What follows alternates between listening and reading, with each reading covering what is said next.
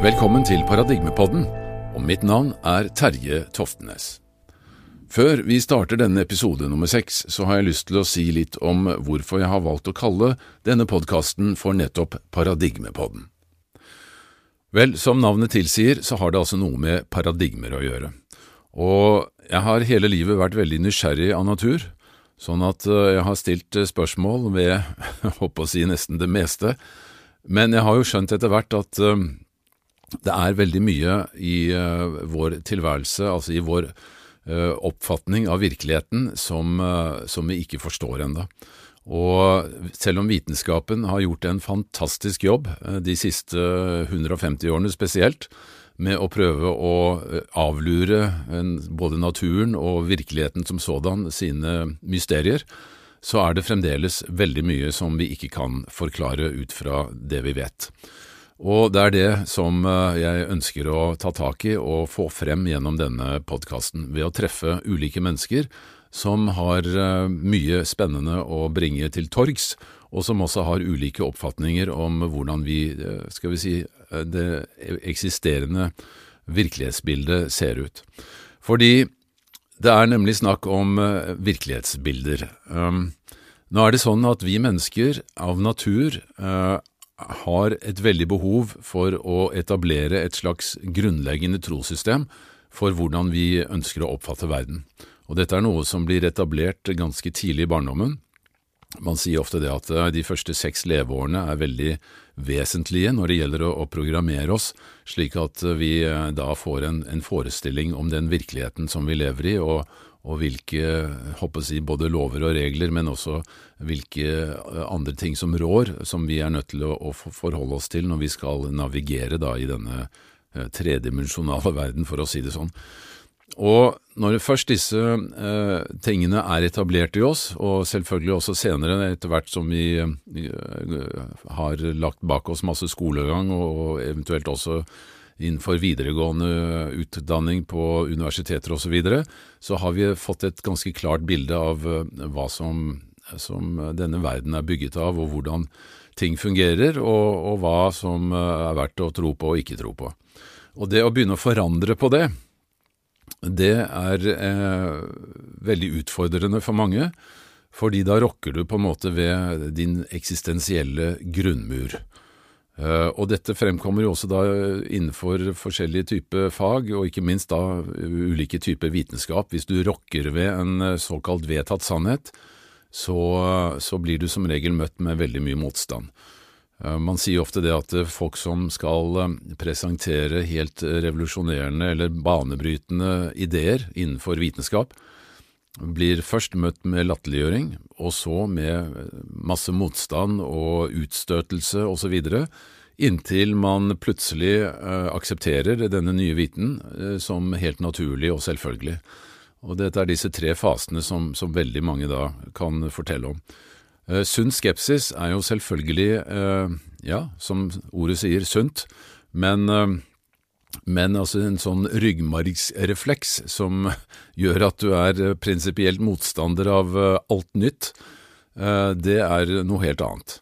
Og det er klart, innenfor vitenskap spesielt, så når, når ting altså når ny viten da utfordrer etablerte sannheter, som gjør at for eksempel da doktorgrader må puttes i skuffen, og lærebøkene må skrives om, så er det veldig, veldig mye motstand mot dette. Og sånn at uh, disse paradigmeskiftene, da, altså hvor man skifter fra én virkelighetsforståelse til en annen, de er, uh, det går sakte, og det tar det krever veldig mye av de som skal fronte dette, og det er det som, som også da preger hele utviklingen vår, at det går eh, sakte fremover, selv om, eh, om, mye revolusjonerende viten ligger allerede på bordet. Men det er denne skal vi si, nye revolusjonerende viten som eh, jeg ønsker å ta frem i denne podkasten. Fordi det er det nå veldig mye av. Og det utfordrer det paradigmet, altså det rådende paradigme, vitenskapsparadigme som vi nå er i, som ofte kalles for det materialistiske paradigmet, som da forteller oss at verden primært er eh, fysisk, at våre kropper eh, primært er biologiske maskiner som, eh, som også da er styrt av elektriske nerveimpulser, punktum. At bevisstheten kun befinner seg inni hodet, osv. Og, og siden jeg først nevner dette ordet bevissthet, så er jo det ofte en, en nøkkel i, i, mye av denne nye forståelsen av, av hvordan virkeligheten som vi lever i, faktisk er. Dette er jo et eh, begrep eller et fenomen som eh, vitenskapen helst ikke vil forholde seg til, fordi det er umulig å forske på med kjente vitenskapelige etterprøvbare metoder. Alle vet vi jo at vi har en bevissthet. Vi kan både observere, vi kan eh, analysere våre observasjoner, vi kan reflektere over dem. Vi tar valg på basis av, av de observasjonene, og vi kan også lære av, altså vi kan lære av de observasjonene og de eh, valgene vi tar. Og dette kalles eh, egentlig med et samleord for intelligens, eh, som igjen da helt opplagt er veldig knyttet til dette ordet bevissthet. Og vi ser jo også i naturen at vi har alle livsformer har altså sånne innebyggede, innebyggede selvlærende systemer. Bakteriekulturer kan lære å bli resistente mot for eksempel forskjellige typer antibiotika, og de kan til og med lære det uten at de fysisk er i kontakt med hverandre.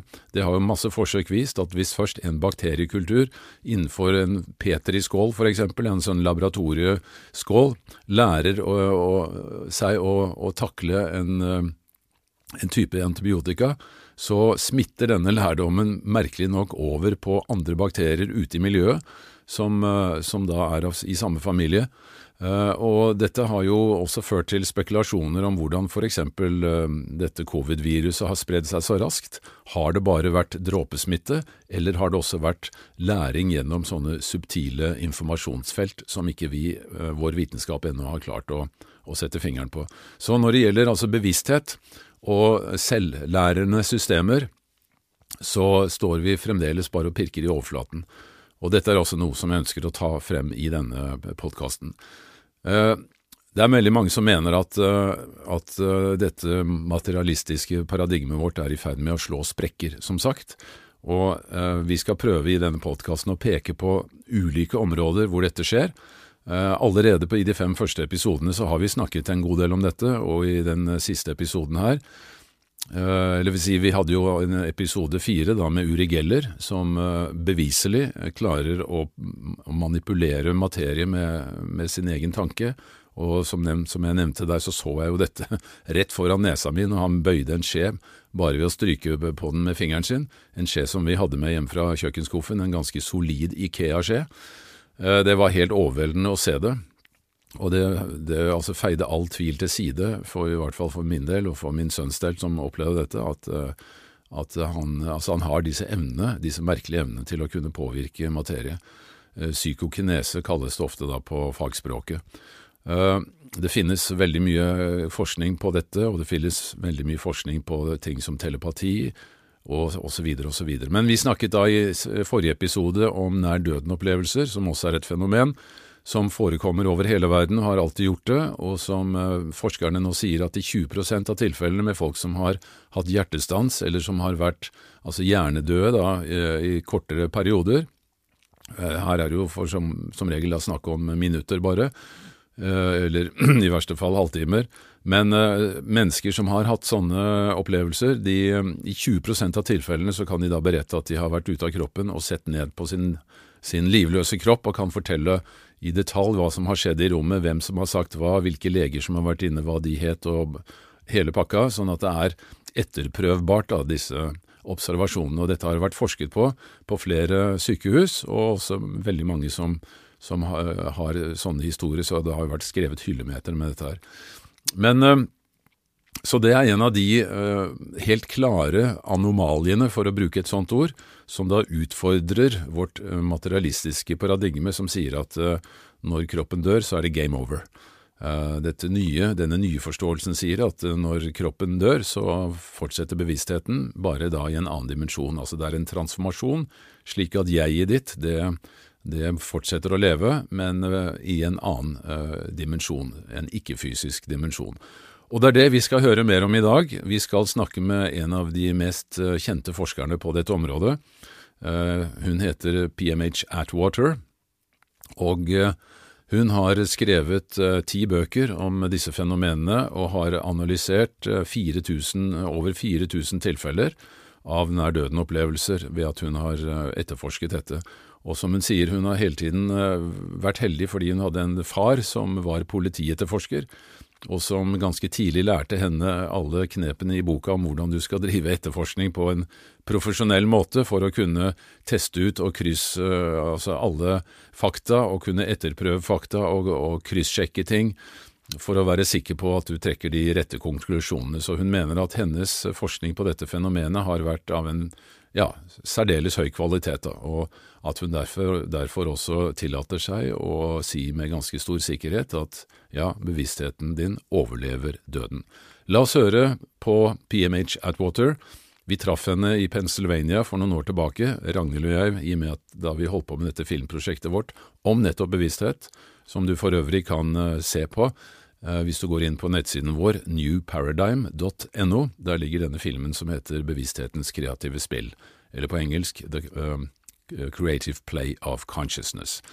Den, under det prosjektet så gjorde vi veldig mange spennende intervjuer som vi bare har brukt noen bruddstykker av i denne filmen, og det er en del av disse intervjuene vi også skal friske opp her i eh, Paradigmepodden. Eh, et av de er altså da med PMH Atwater, og vi overlater ordet til henne når vi spør om hun kan forklare hva nær-døden-opplevelser egentlig er. A near-death experience is an awareness or a sense of otherworldliness that happens at the edge of death. The person is either just about to die, afraid that they might die in a very um, life threatening situation, or they actually have died, clinically dead, some even revive in the morgue. So it's that edge of death. So it's a sense or awareness of otherworldliness at the edge of death that is so profound and so real that experiencers are changed by the experience. They're changed both psychologically and physiologically. So we're talking here not just about the experience, but also the after effects. And you can't talk about one without the other, really.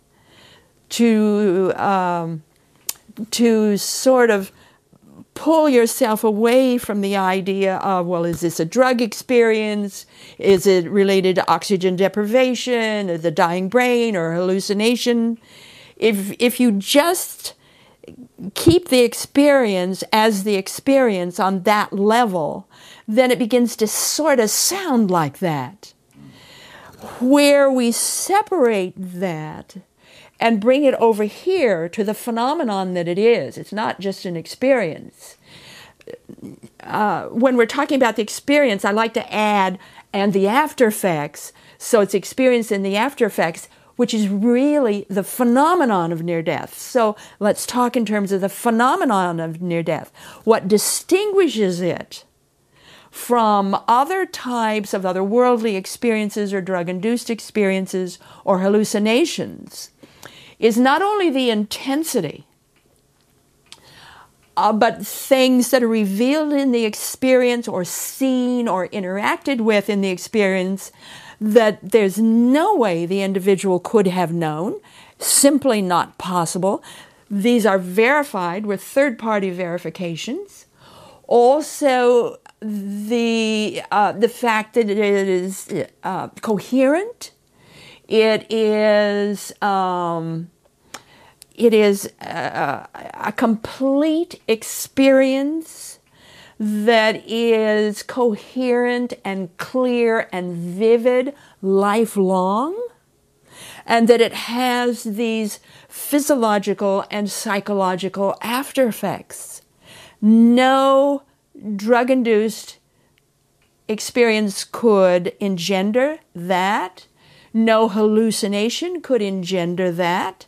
No oxygen deprivation could engender that. So we're looking at, a, at an experience that is outside of our normal ways of defining or verifying or proving under normal conditions.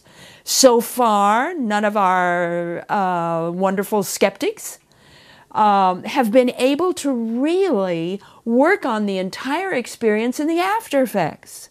Their findings, regardless of who they are, are really kind of stereotypical, they're really kind of shallow. Uh, number one, mo- mo- most of them are, we're working with a very small research base.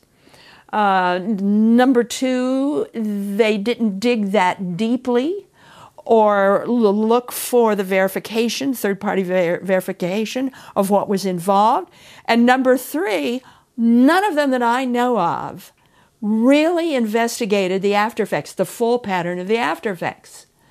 So when they come up with various objections or uh, findings of their own and they say it's this or it's that, always, always, always, it's a very uh, a, a, very incomplete and shallow version of the phenomenon. They're looking at bits and pieces, and the bits and pieces don't hold up. If you compare it to the work that's now been done on the near death experience, you know, today, and I'm very happy to say this, I'm very excited to say this. Today, there's been a major shift in the field of near death studies. About two years ago, two and a half years ago, the entire field shifted because of four large clinical prospective studies done in three countries and a plethora of papers now published in peer reviewed journals. We now are able to verify that it is not connected to what we normally uh, say uh, might have caused the experience, like oxygen deprivation and so forth. We now know those, those are not so. We now know today that things like out of body experiences, the dead come back, visitors from other worlds, otherworldly journeys are normal and typical and natural to the phenomenon. They are not in any way hallucinations by any definition we have of a hallucination. We also, today, there are over 100 medical schools that teach classes on the near death experience. Mayo Clinic School of Medicine requires all first year students to take a class on the near death experience. We are now beyond the the mythology that, that sprung from Raymond Moody's first book, Life After Life. Uh, you know, there was a lot of sensationalization, uh, sensational, sensationalization. Pardon my scribbling of words, uh, but it was sensationalized afterward. Uh, uh, we now know that not that many people experience the tunnel. That the tunnel, um, some people do, but most people are right there. In fact, if I were going to give you what I what stands up in broad-based research as the type of components that are typical of the near-death experience, I would say the number one is the out-of-body experience. A child or adult typically will have an out-of-body experience, and these are very these are very intense. Some of them are very brief and short and sweet, but most of them are long and involved and complex.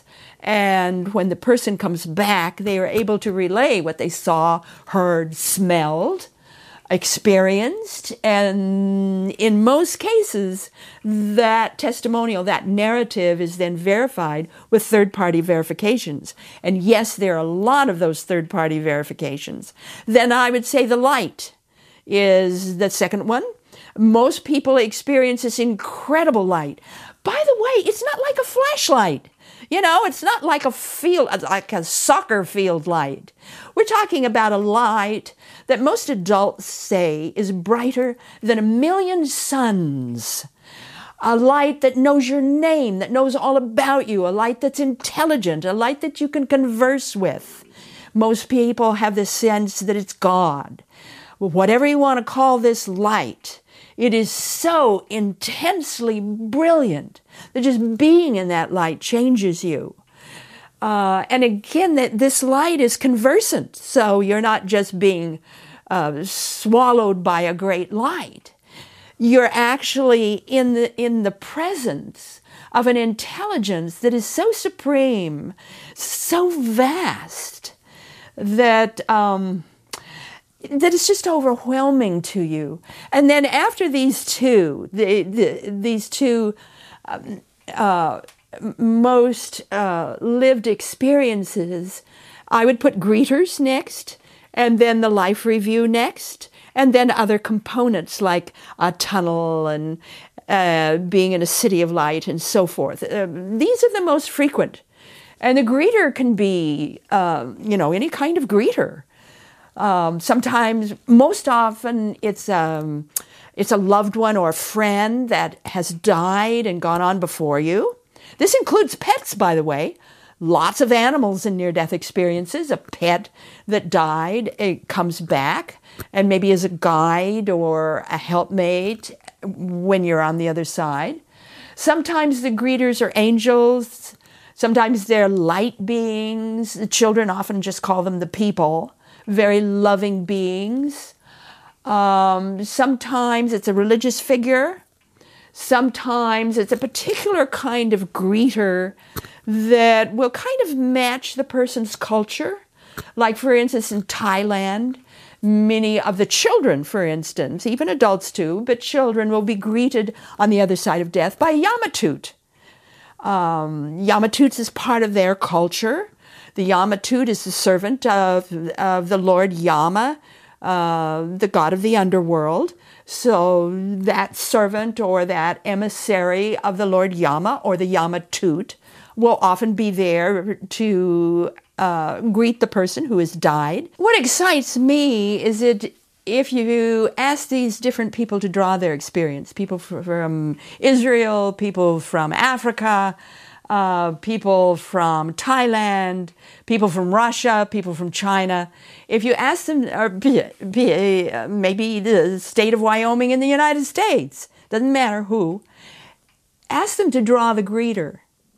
And invariably, the, the greeters will tend to look similar or alike in that they're very special, they're usually filled with light, or there's, there's a lot of emotion involved in the greeters.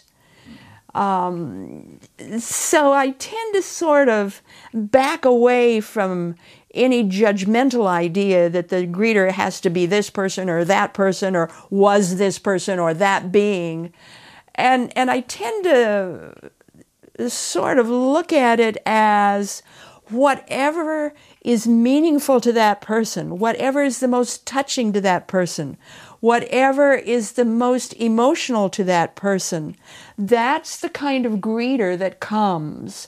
That individual or that being or that emissary that best typifies or best matches whatever that person needs to be affected by, whether it's hellish, whether it's heavenly, whether it's a stern parent type of greeter or whether it's a loving parent type of greeter with the child, whatever that person seems to need to either wake them up or comfort them, that will be the kind of greeter that they will get.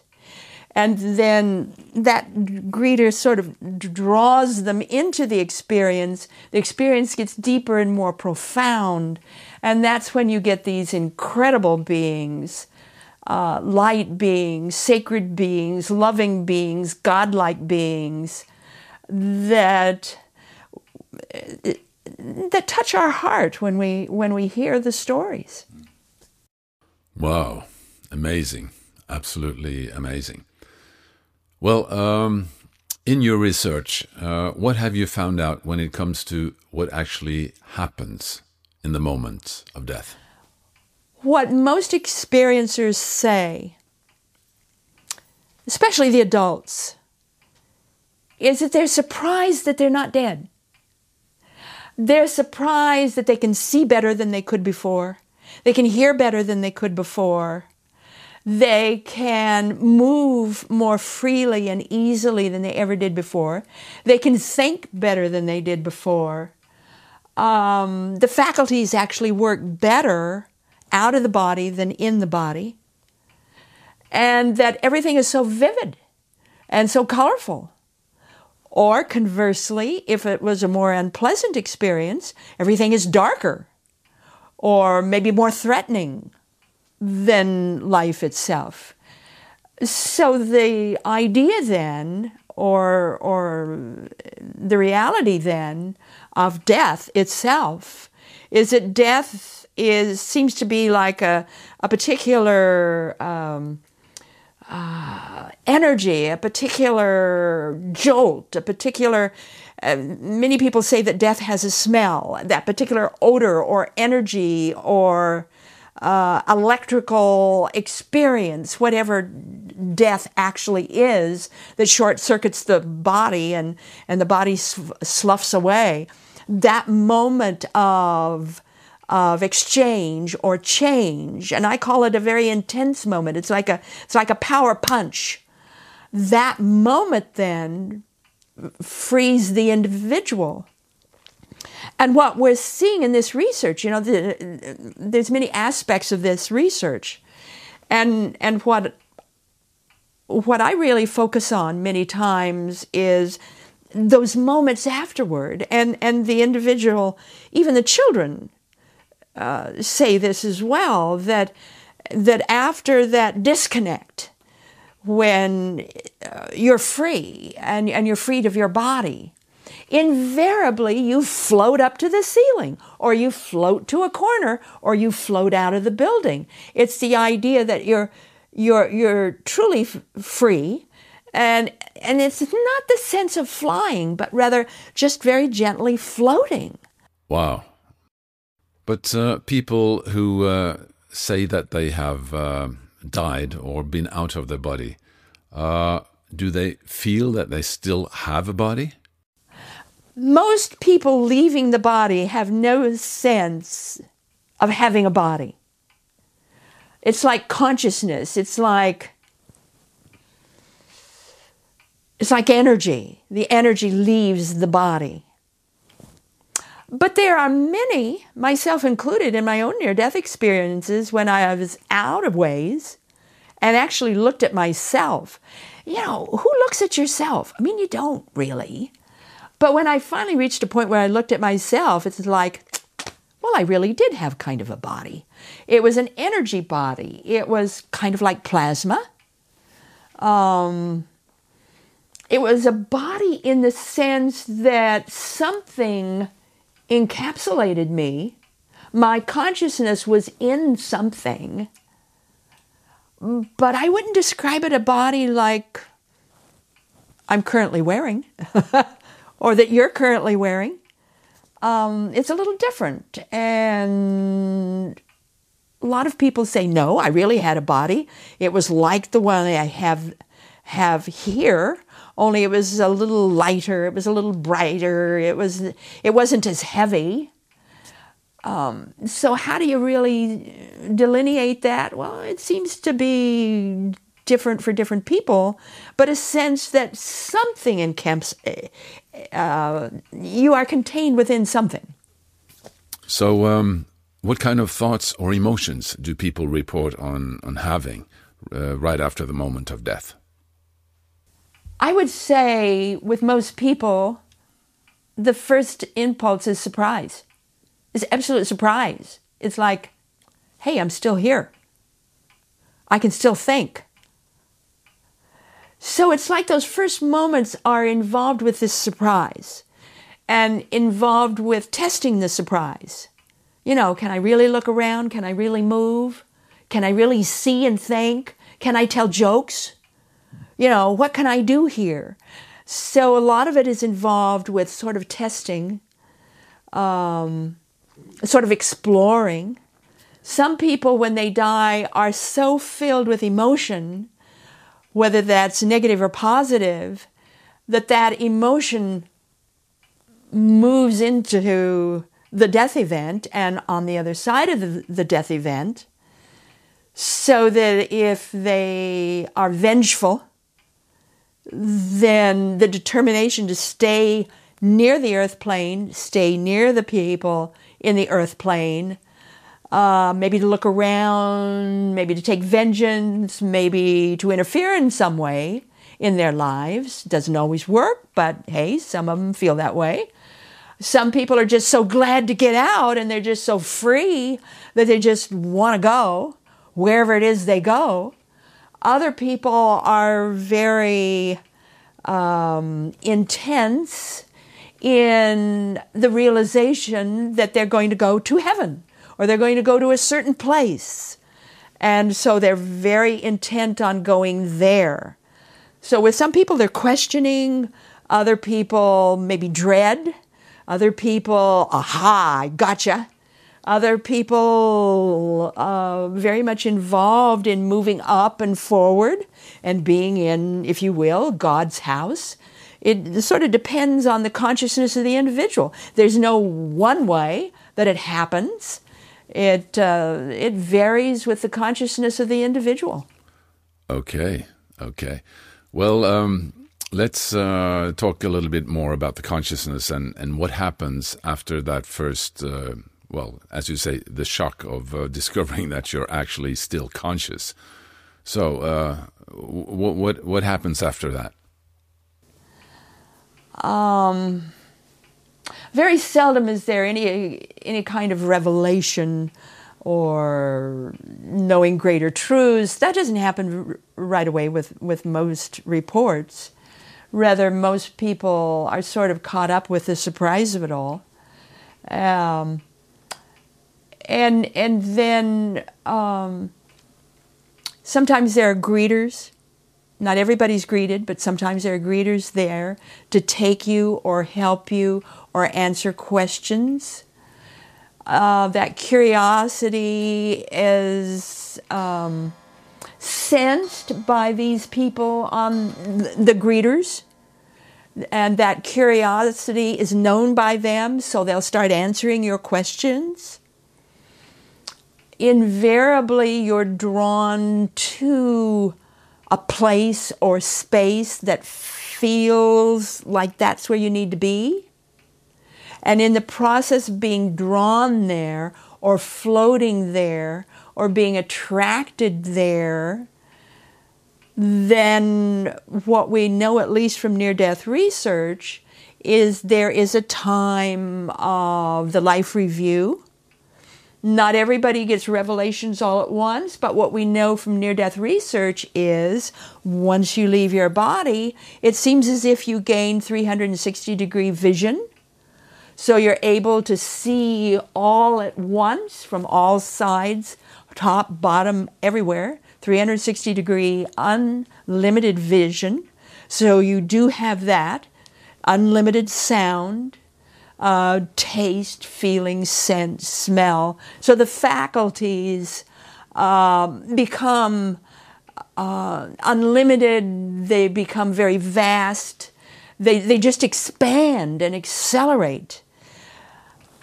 The consciousness itself, though, your consciousness seems more intent on following that feeling or going where you're attracted to and invariably being stopped very often by the life review. It, it, it, it's, it's almost like that's necessary.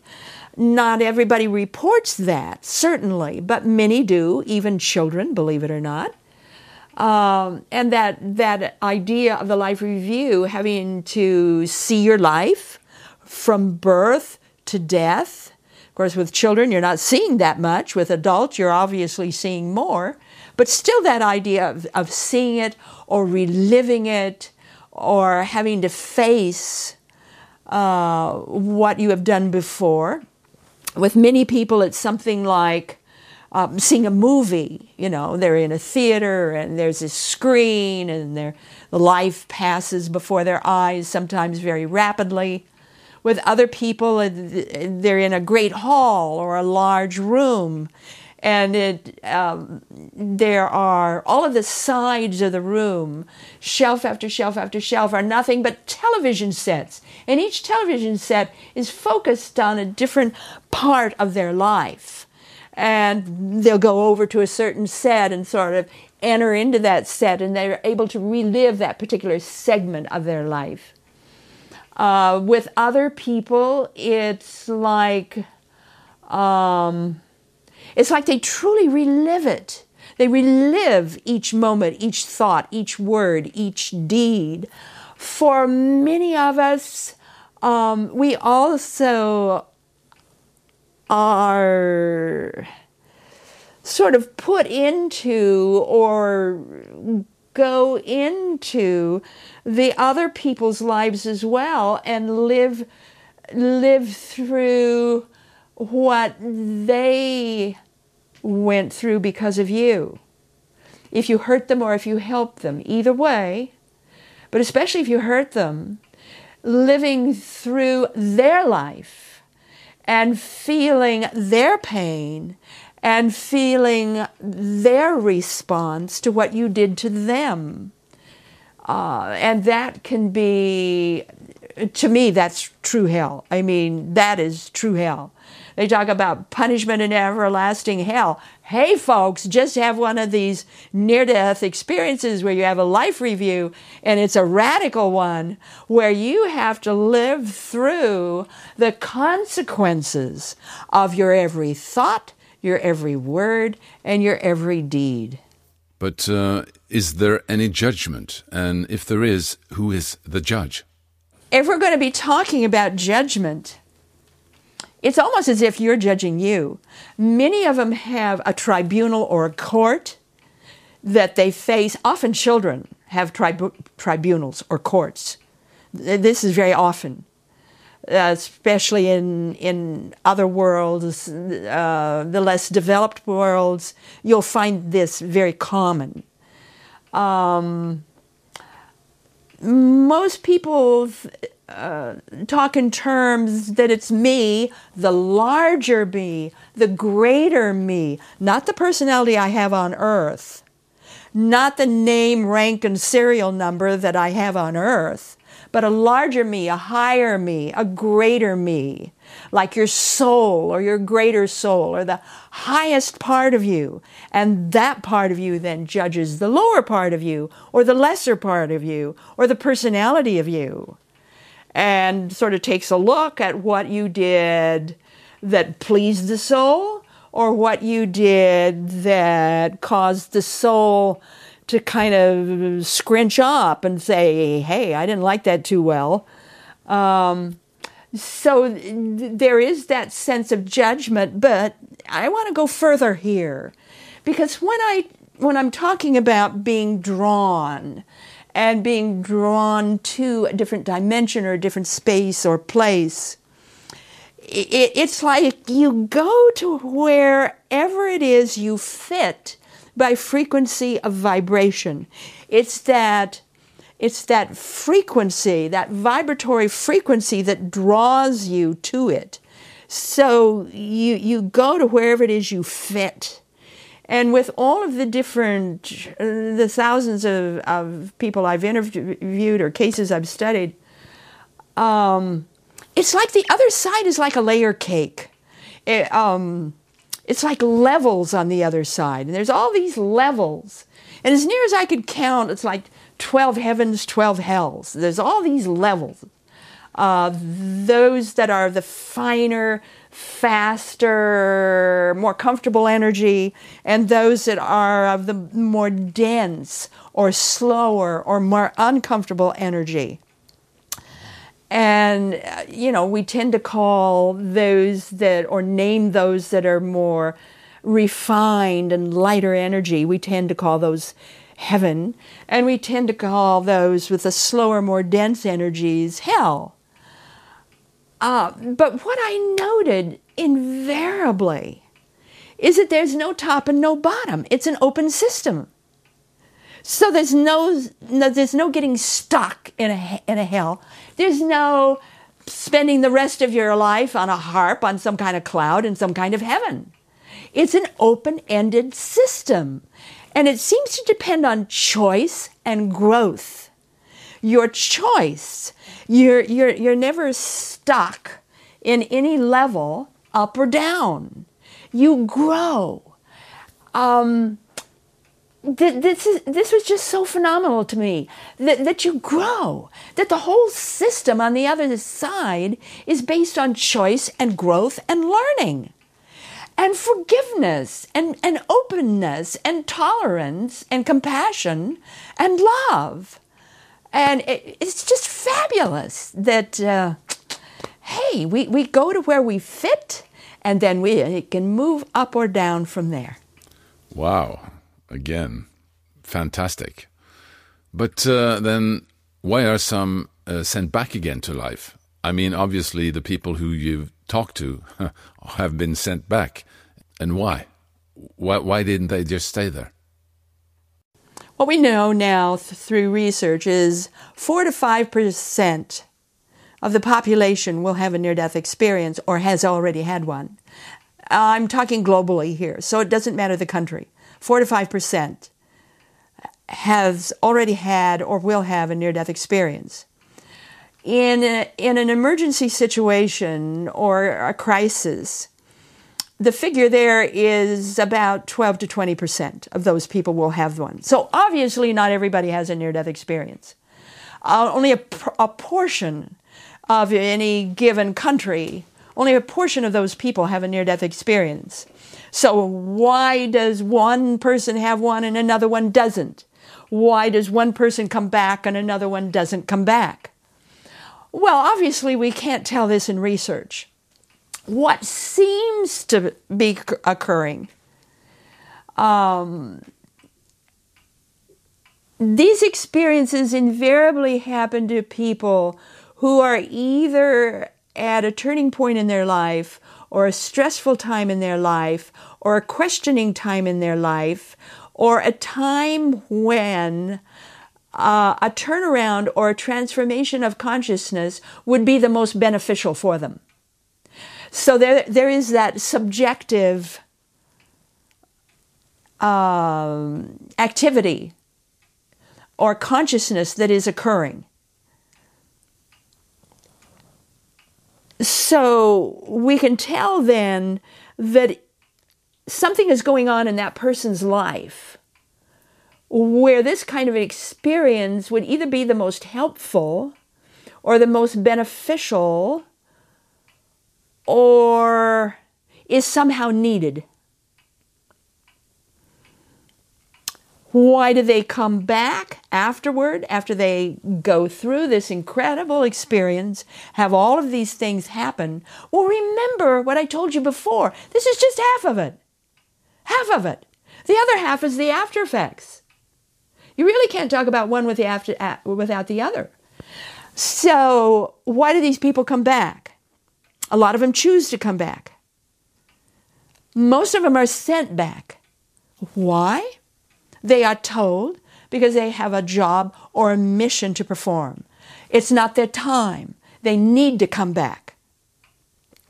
Many of them choose to stay, like, like the case of Tom Sawyer. And by the way, that's his real name. That's not just the Mark Twain version of, of Tom Sawyer. And when he was on the other side, he says, No, I'm staying here. But yet he came back anyway. He chose to stay, but he was, he was sent back. So, um, Who's to say why we're coming back for sure? But there does seem to be a need factor as if the subconscious mind, how we grow, how we mature as a soul, how we develop as an ego. I, you know, it just seems to me like that's involved somehow. Now, I can't really just draw out how that's involved. I can just say it's involved, it's there. And, and the number one comment that, that experiencers say afterward, long time afterward, when you really talk to them, and you know they're really getting honest here, they will say, invariably, they will say, I got what I needed. So it doesn't matter if it was a hellish experience or a heavenly experience or an initial experience or a transcendent experience. Remember, I, I isolated four different types of near death experiences. It doesn't matter what type, invariably the person gets what they need. So somehow that experience is appropriate to that individual.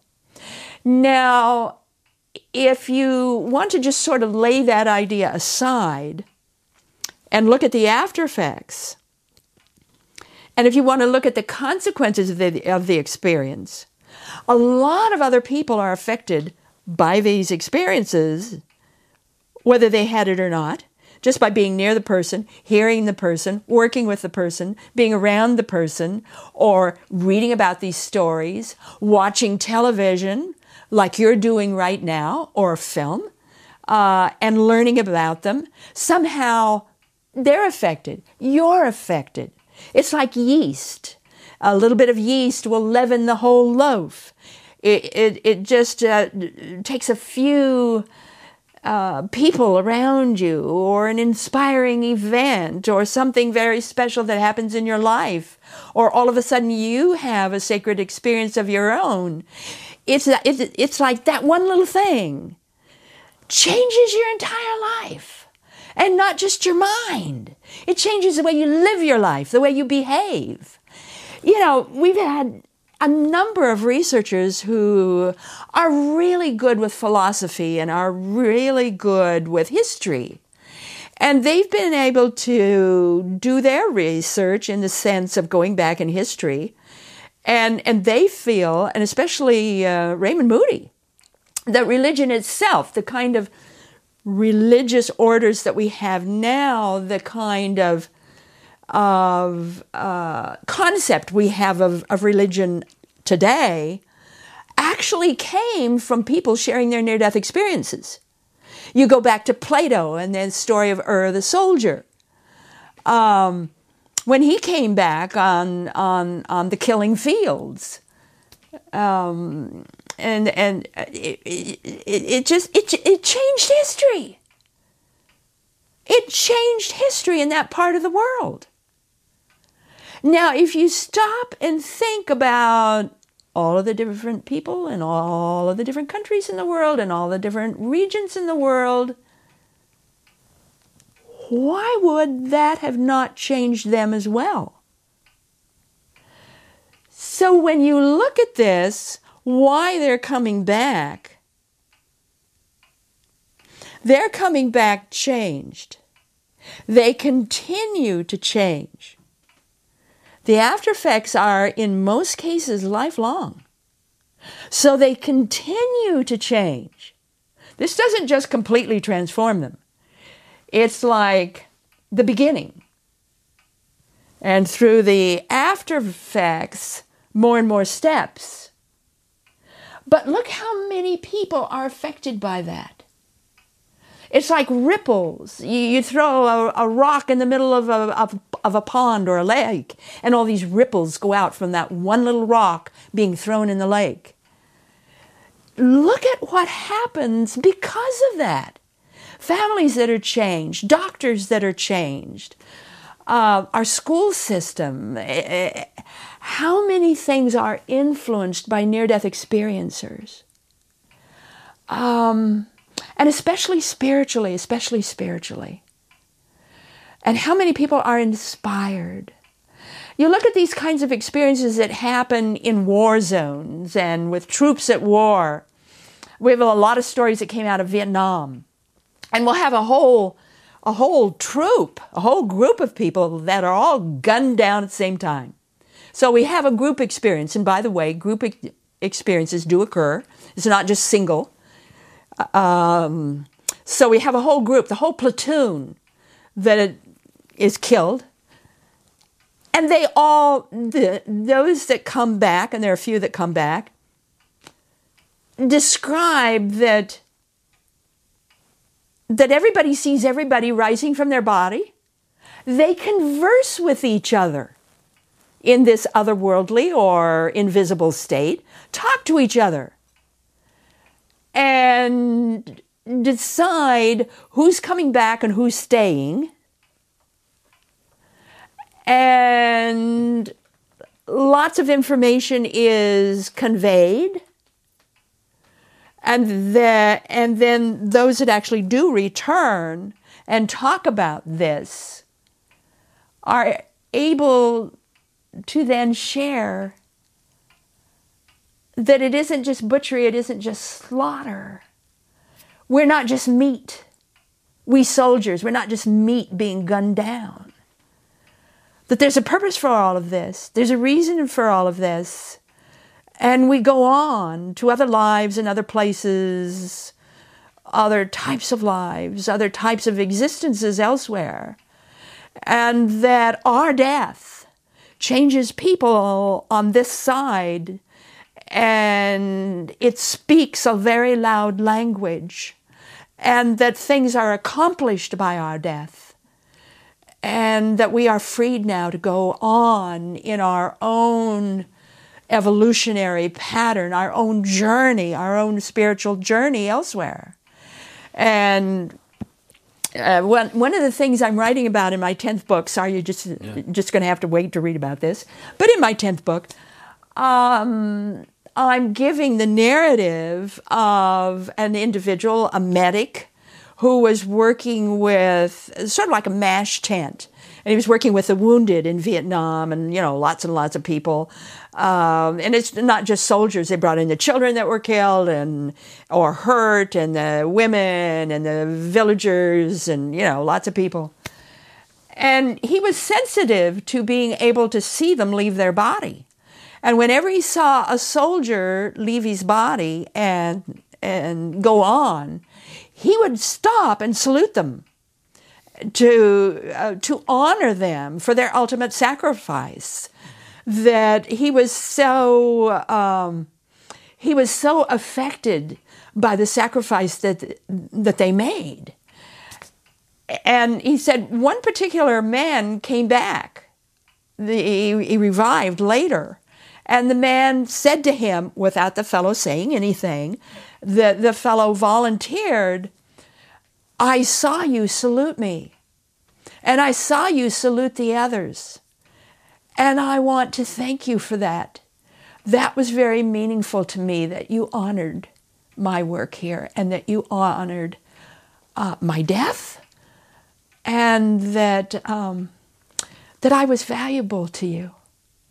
You know, and I and in writing this, I this guy's narrative, I, I, was crying when I was writing it, you know, and, and putting it in the 10th book. It's just, it, you know, when you really get into studies of the near death experience, you really get into the real intense, deep part of it. You're just captured. You're absolutely captured by how how vast reality is. And that what we see here on earth is such a small part of the big picture. And that if we could just have some sense of the larger view and the larger picture, we would live so differently. And we would treat each other so differently. it's just it's just phenomenal how differently we would be. Oh, it's uh, absolutely overwhelming.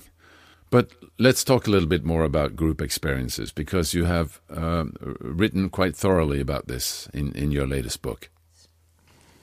And forgive me here, but I'm going to plug my book, the, the big book of near death experiences. And in there is a section on hot shots from hell. And this is a group of firefighters in the American Southwest. There were 20 of them. And they were fighting a fire and they got trapped toward a mountain peak. And you know, in a fire, it sucks out the oxygen. A fire creates its own atmosphere and it sucks out oxygen. And so before they could protect themselves in any manner, their, their oxygen was sucked out of their lungs and they collapsed. And for all extents and purposes, they were dead. They were rescued, however. during this time when they all died, and we're talking 20 people here, they're firefighters, each one saw each other leave their bodies. They talked to each other. One of them in particular, I think he was the crew uh, chief, noted to another fellow as he was ris- rising from his body, he was born with a twisted foot, a crippled foot. And he said to him, Look, look, look, look at your foot. It isn't twisted anymore. It's a perfect foot. And they all had, uh, rose up quite high. They were greeters of some kind, and they had a type of scenario. What is important in this case is that when all of these 20 people were taken to hospitals, they were all interviewed by investigators. They did not have a chance to talk to each other when they revived and were taken to hospitals. The first person they talked to was the investigator. And the investigator then spoke to each of the 20 and then came back and looked at his notes. Every single person verified the other person's story in detail, exactly. They indeed had a group experience. They indeed went through the same thing or basically the same thing. They could talk to each other just like the military guys, the platoon in Vietnam that was wiped out or almost wiped out. They could talk to each other. There was that sense then of being on the other side and being at peace in the sense of knowing each other, being friendly with each other, being able to converse with each other, and being part of a greater reality. Now, that then brings up the topic of the soul. It's like, whoops, wait a minute here.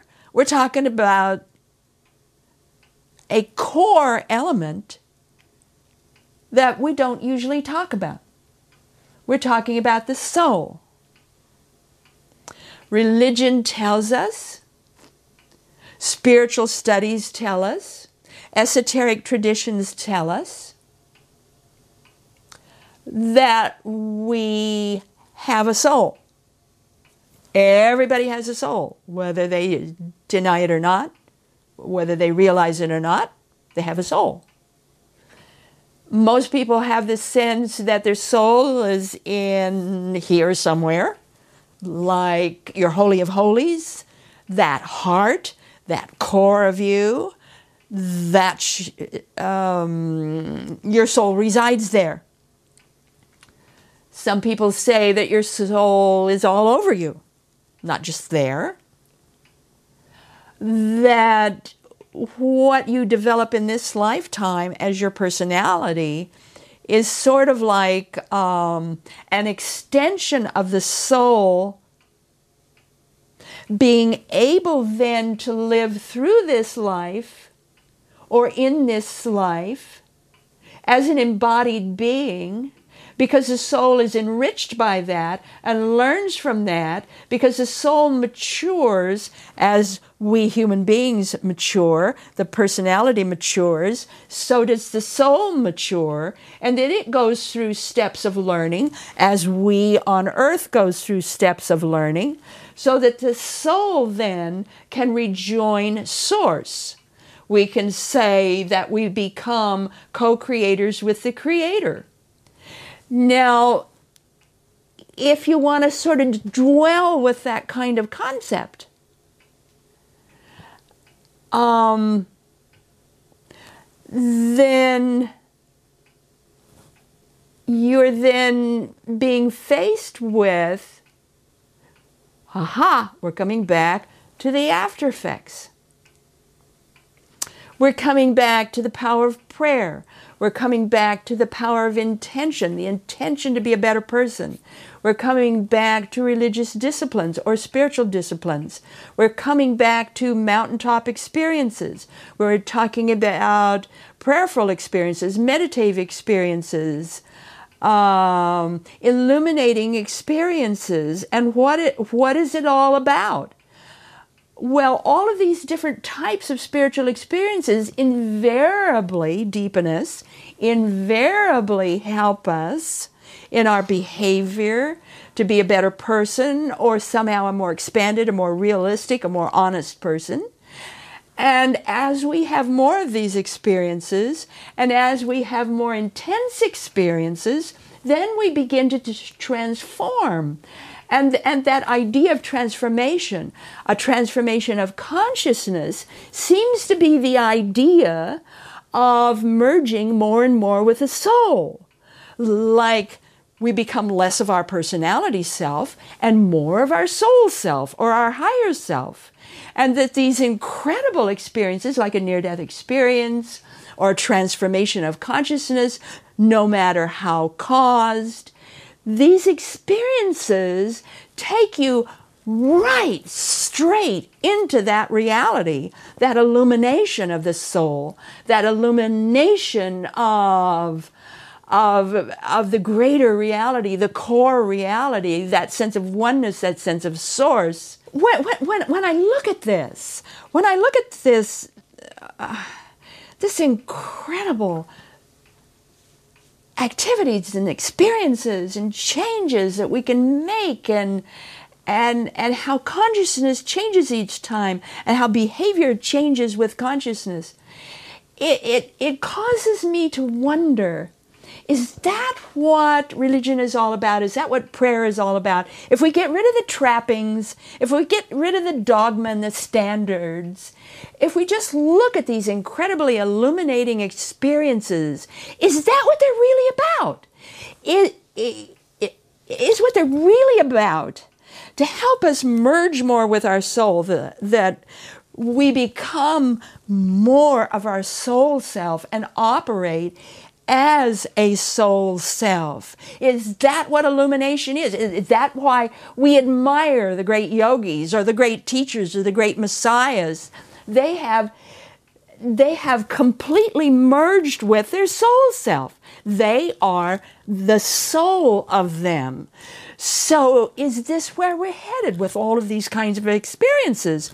Well, one of the things we find out in near death experiences, I certainly found out in mine, is that the soul, nobody's soul, can fully inhabit your body and burn it up.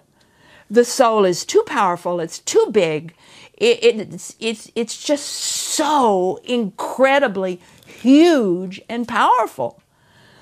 So that it, it's sort of like this idea of being, it's like becoming more, uh, uh, it, it's like rejoining with the force. It's like it, it, it's like the steps we take, all of these steps we take to become more illumined or to become more spiritual or become more knowing or to become wiser or to become more comfortable in our own life. Just that simple. Just to become more comfortable in life and, and to live a better life. All these steps we take enable us through the after effects enable us through those after effects and how we're changed by these experiences. Remember, they expand us. How we are changed by these experiences. Is the purpose of these experiences then to enable us to handle more and more of the soul force without burning up? It then restructures the body as well as the psychology, the mind, the brain. It restructures the body as well as your behavior and thoughts. It helps you then to be more powerful so that you can take in more power. Is that what it's all about, Alfie? You know, the old song, What's It About, Alfie? Is that what it's uh, all about? So that we can then become more of who and what we truly are. You know, in the Christian Bible, it says very plainly, Ye are gods in the making. And Jesus said, All these things I do, you can do, and more also. Hold that thought. Yeah, fantastic. So, um, what would you say is the actual physicality of the death experience? No one really knows how this all works. What we can offer you is, in my research base, the one, the record breaker was George Rodonaia, who was dead for three days. His body was stored in a freezer vault in the morgue in Tbilisi, Georgia. He was pulled out after three days because he was a communist dissident, highly political, and they had to do an autopsy. His uncle was part of the autopsy team. They took him into uh, the autopsy room. They had commenced cutting. They were doing the T cut, which means that the top of the T is down here at the lower part of the abdomen, and then the stem of the T going up the middle of the trunk of the body. They'd split him open on the bottom. They were cutting the stem of the T when his eyes opened. Now, that's not necessarily unusual. Those kinds of responses can occur. So the head of the autopsy team just shut his eyes and they kept cutting. Well, they opened a second time. Again, that's not necessarily an alarm of any kind. So they shut his eyes a second time. Then he opened his eyes a third time. Then the head of the autopsy screamed, jumped backward, and had to take a month's leave of absence. He couldn't handle it. Um, we have now the story of George Rodonaia. Um, a year of surgery, I mean, the incredible things that happened to him. Um, there, there was a, a number of people in my research base who revived in the morgue, who were out six hours, 10 hours, 12 hours, maybe a couple of hours.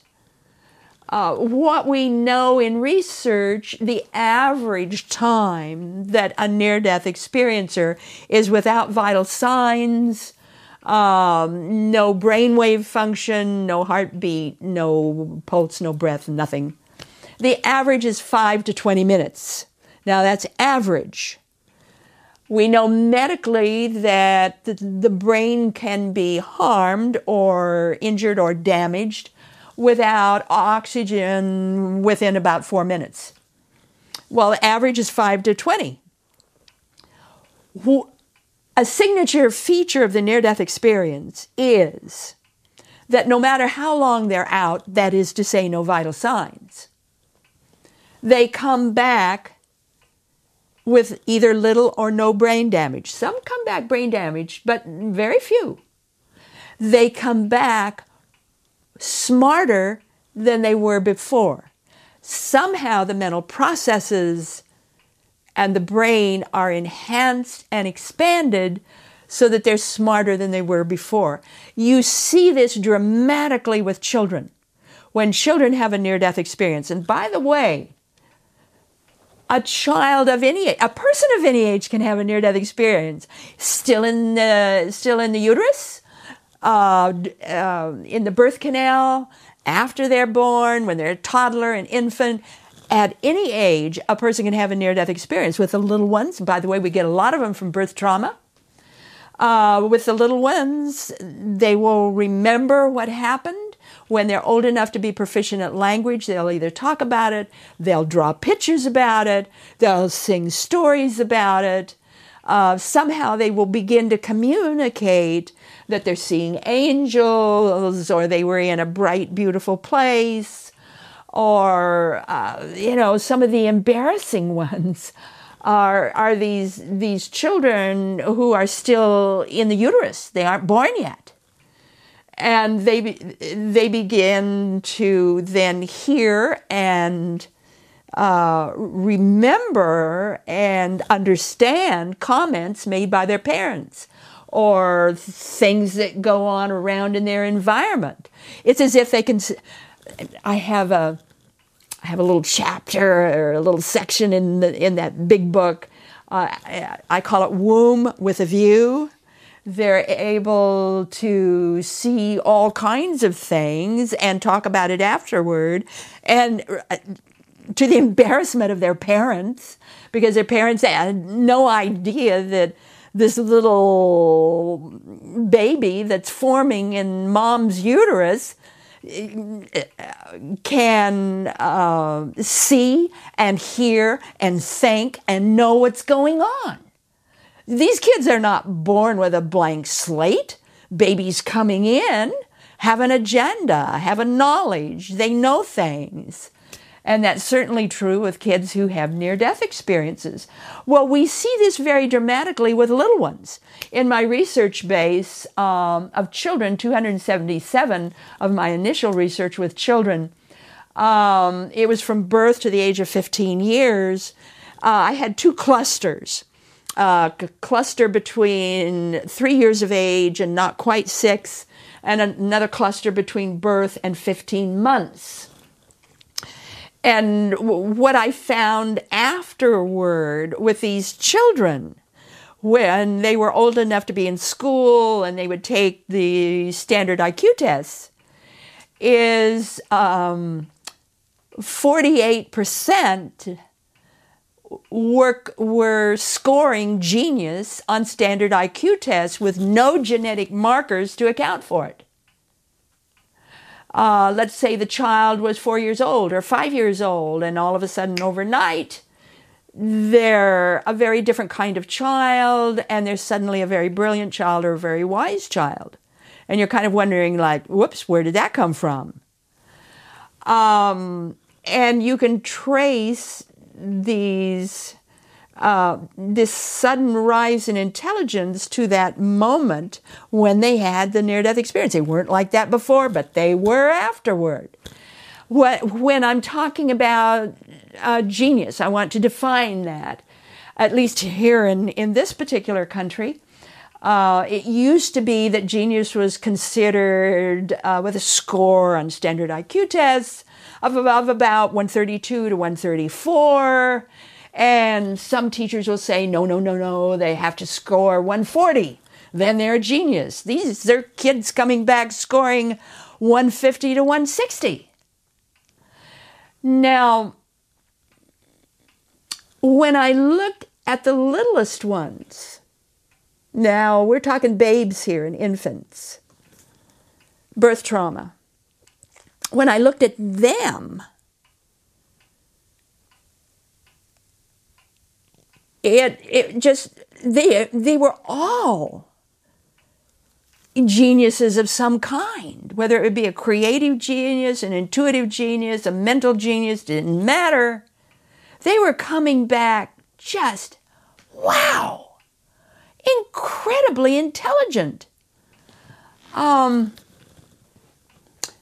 if if if I just look at my two clusters so I'm looking at birth and that time around birth to not quite the age of six. And just look at those and forget about the rest of them. Just look at that bunch. I'm getting 81% scoring between 150 to 160 on standard IQ tests. If I just look at the babes, and birth trauma, and those that had a dark light experience instead of a bright light experience. We haven't talked yet about the different lights, but those that had a dark or black light experience instead of a bright or white light experience. Everyone but one came back genius, but their scores were in the 200s.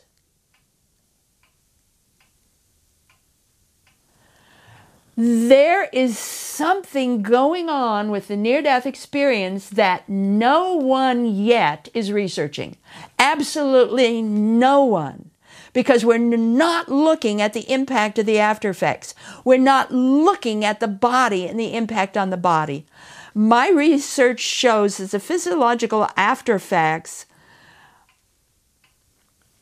are centered around brain mind changes, structural changes, functional changes, changes in the nervous system, the digestive system, and skin sensitivity. And we're looking at, in some cases, dramatic changes, not in all of them. Some of them certainly are subtle. There are the psychological changes most people know about. You come back more generous, more loving, more open, no longer afraid of death. All of that is true. Also, dealing with depression. Sorry, folks, but these kinds of experiences can be difficult to handle. Um, difficult to handle in the sense of who do you tell them to? They think you're crazy. Um, how do you go back to work and you're sitting at a nine to five job when you have been shown the secrets of the universe and you're speaking in a different language and everybody's kind of looking at you kind of funny and you're looking at them kind of funny and you're wondering why you're there and it, it, it's like you have to retrain yourself. You have to retrain that if you touch a burner that's hot, you'll get burned. You have to retrain that because you've lost that concept. Um, let's go a little bit further with this. In, in one of the crusades I have of educating the medical community, in that one of the things you lose is your tolerance of pharmaceuticals. Maybe you maybe you just use a little lose a little bit of it, but certainly most of us lose most of it. I want the medical community to at least open the dialogue with patients that are coming in. Um, have you ever had a near death experience? Have you ever been close to death before? And if there's any kind of inference that that might have happened, then follow that. Find out more uh, did indeed they have a near death experience, and maybe they might want to talk, tell you about it.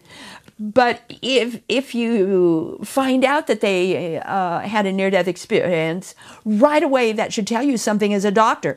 That tells you not to give them full dose of anything. Uh, if it's an adult, give him a child's dose. If it's a child, give him a super, super small dose of anything. Or start them on a very more gentle and different type of chemical because they won't be able to handle the average dose that a child or an adult can take. I have a case of that just last year where a woman had lupus. Uh, she was uh, um, from my uh, uh near death research with children. She uh, is grown now she had lupus, a very severe case of lupus, was rushed to the hospital, John Hopkins Hospital in Baltimore. And um, the doctor she had, the attending physician that took care of her case, the first thing he asked her was, Have you ever had a close call with death before? He knew enough to ask. And she said, Well, yes, I did. He said, Well, tell me about it. So she told him about her near death experience at the age of, I think I was seven. It was a drowning. And right away, he changed her dosage. Put her on a different type of medicine that was much, much milder, and put her on the lowest possible dose that he could give her. Overnight, she recovered and went home the next day. Had he given her the regular dosage, he either would have killed her or crippled her or caused her serious harm. Please, medical commu- community, wake up, especially with children, because we have this protocol of the weight of the child and the age of the child that determines how much of what we give them. Inquire of the parents mm, was this child maybe uh, close to death before? If they were, did they talk about anything kind of different afterward? And that should be enough then to uh, alert the physician that there may be something else going on here, therefore, I need to treat this child differently. I have a lot of cautions like that in the book and a whole chapter uh, dedicated to the, the medical staff, um, what to look for, how to handle it. It's all in the, the big book of near death experiences. Wow, wow. Again, so amazing. Um, but when we look at uh, mainstream science and uh, and their approach to this uh, phenomenon, uh, what what do what do they say about the uh, uh, near near death experience and also the after effects? The near death experience, if you really look, well, let's call it the near death phenomenon, the experience and the after effects. If you really look at the phenomenon itself. It challenges all of science. It challenges all of science. If you, if you look at the experience alone, just that, how do you explain clear, coherent activities and involvement that is continuous, continuous consciousness, not just a little bit of it, continuous consciousness that covers an entire time frame. Let's say 15 minutes. That covers the entire time frame. How do you explain continuous, clear, lucid consciousness with expanded faculties, and 360 degree vision with no vital signs and a flat EEG.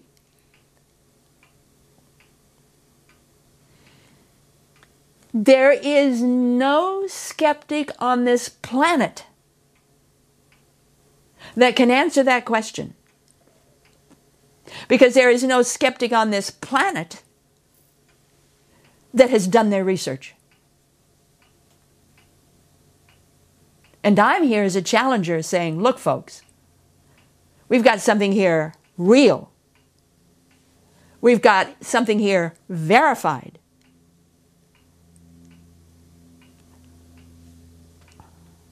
We can't walk away from this.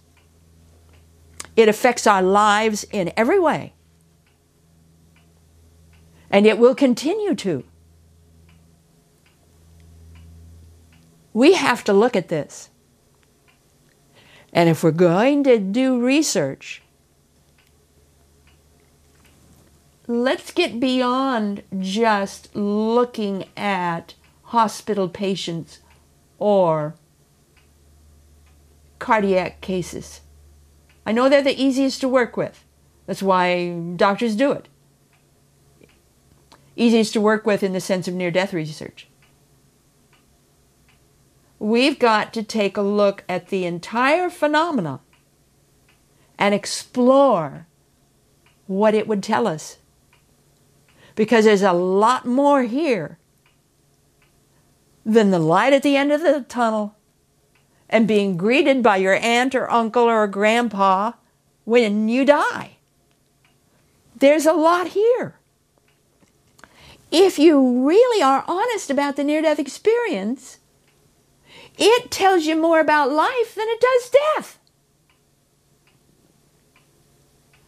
If you just look at my research, thousands of people saying, first thing they say after, after dying, first thing, four words And those words are always there is life. How can there be an afterlife? How can there be a before life? How can there even be a present life? There isn't. Always there is life. A flowing continuum. In some dimension, in some place, in some form, we are, we were always alive, we're still alive, and we will always be alive. Not because of an afterlife and heaven and hell, but because of something else. And it's that core else. It's that source that the Bible touched on for us. When the Bible said, Ye are gods in the making. What does that really mean? And who are we really? Think about that. Ah, beautiful. So beautiful. Um, well, let's uh, talk about the ego. What is your sense of ego? You're talking to me personally here, not the researcher. Because who can prove any of this? How can you even research it? Although a lot of people have tried. My sense of the ego is the particular clothes my soul is wearing now so that it can experience the earth plane and all that we face here. My own particular sense of this is that again the soul matures, the soul grows. It's not just perfect, perfect, that it's learning too. And what better way to learn than the entanglements that can occur in this very physical world that we call the earth plane? I know that some psychics and mediums and and mystical people say that the earth plane is the bottom rung and that here is all this killing and all this um, challenges that we have in in in many different ways in many different places all these challenges we, we have here um, and that this is the bottom rung of the development of the soul. I challenge that, that totally. I don't think this is the bottom rung of anything. This is a particular type of arena, particular type of place, particular type of vibration where we can test ourselves, where we can explore, where we can experiment, where we can experience. Um, how appropriate. It's like we have an opportunity here to work out the curriculum our soul decides on.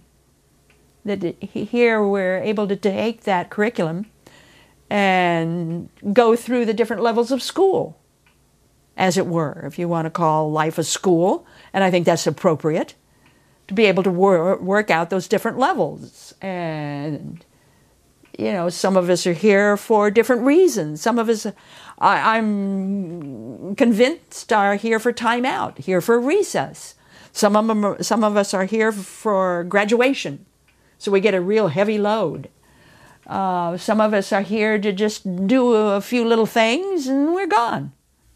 I don't think there's any one way of outlining this or defining this although many people have tried.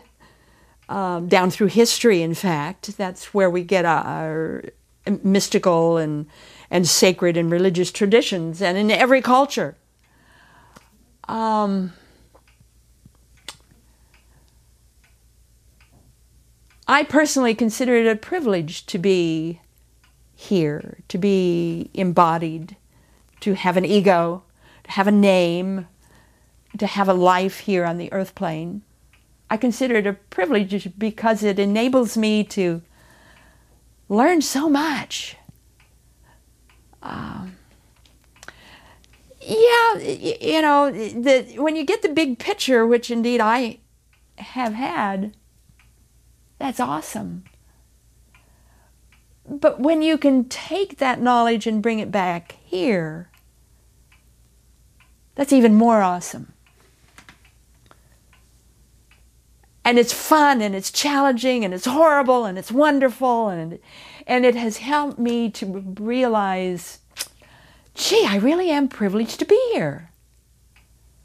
That this is a wonderful place to be. Even with all the horrible things that happen, there's wonderful things that happen. And I think more wonderful than horrible. And I look at my own life, and, and I've had a rough life. I'm not a person that had an easy life at all.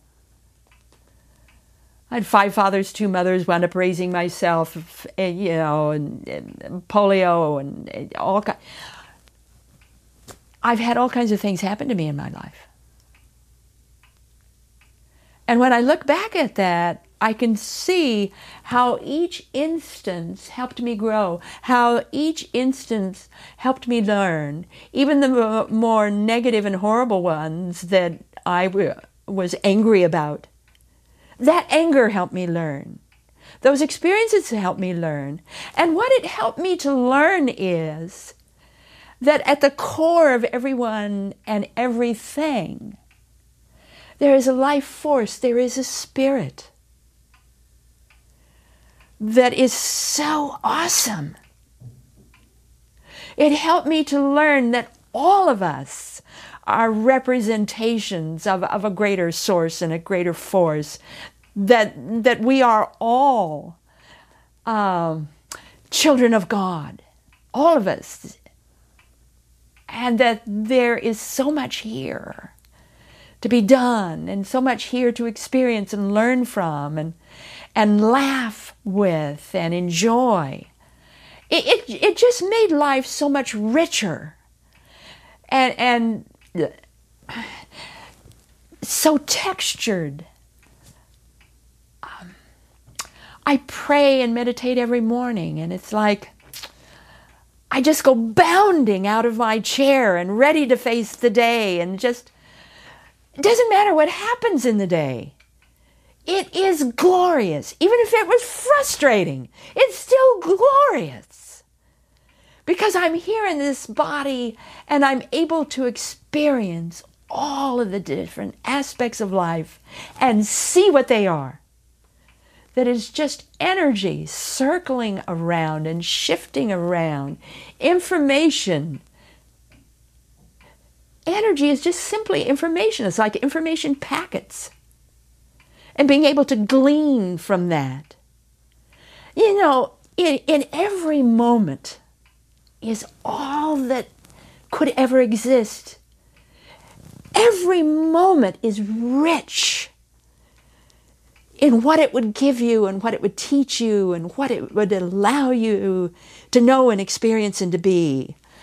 Um, I can go out in the forest close by my house and I can scoop up a handful of dirt. And in that handful of dirt is everything that has ever existed.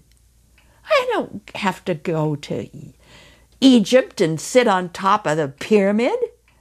I don't have to go to some kind of holy place. Just being able to hold that handful of dirt is, is God itself. It's it's just such an incredible privilege to be able to feel and touch all that is here. Every rock every every tree so alive. I can see the life in them it's fabulous it's just fabulous. Ah, people say to me, "Can you wrap it all up? Can you can you give a true statement of what it's all about?" Well, I bow to a 17th century German mystic. I can't begin to pronounce his name. I'll just say Jean van Riebeeck. And for, forgive me if I'm sure if I I'm sure I didn't pronounce it right. But toward the end of his life, some of his students came to him and said, you know, what really is it all about? What what would you say to us as you now contemplate your own death? And he just smiled and said, God in the depths of us greets God who comes to us. It is God contemplating God. That's my realization. That's my knowing. That's my life. It's all God. Even the bad parts. Even the horror. It's not God doing it to us. We have our choices.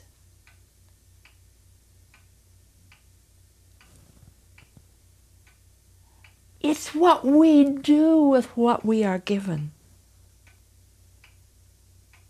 Isn't God doing anything to us.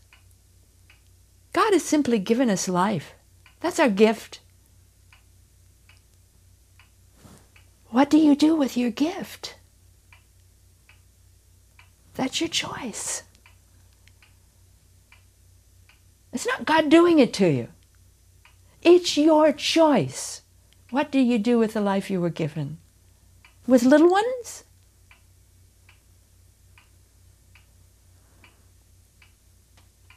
What comes of what happens to them?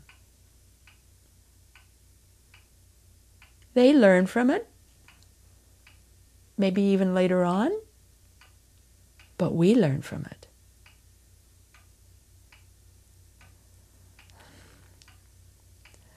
I don't know. I just I, I scrub my floors with joy. I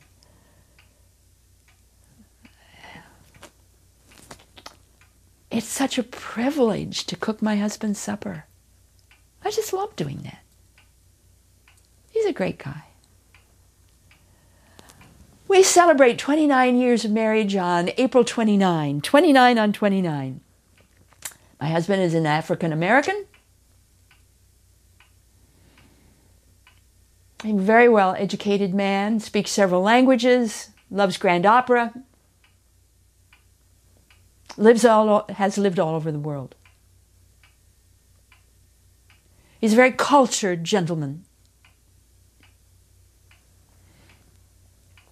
And I asked him, you'll love this. I asked him one day, um, he's such an educated person. And I asked him one day, What are you doing with a scruffy person like me who comes from southern Idaho, the reclaimed deserts of southern Idaho? And my idea of education is how high you can clear, clear a corral fence when a bull is chasing you. Now that's higher education. And he laughed and laughed and he said, Well, you know, it's just fun living with you.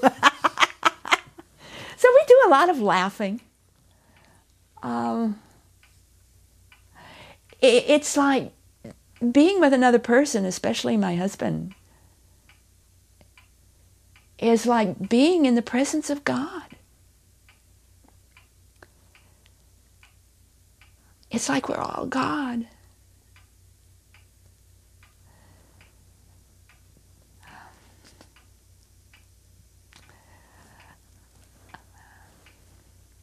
When I think on my own near death experiences, that third one where I heard the voice like none other, that voice infuses me, it fills me. It runs me. Where do I get my energy? I get it from that voice. Why do I do the work I do? How do I do the work I do? It's that voice.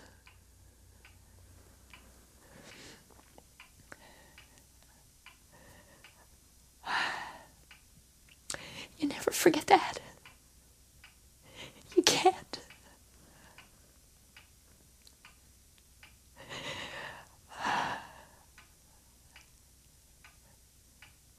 You can't.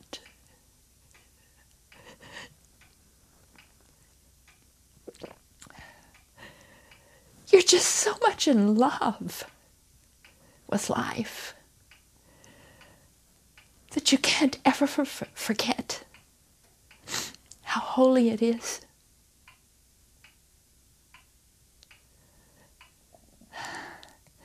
And what a privilege it is to be here. Thank you. Thank you. Thank you so much.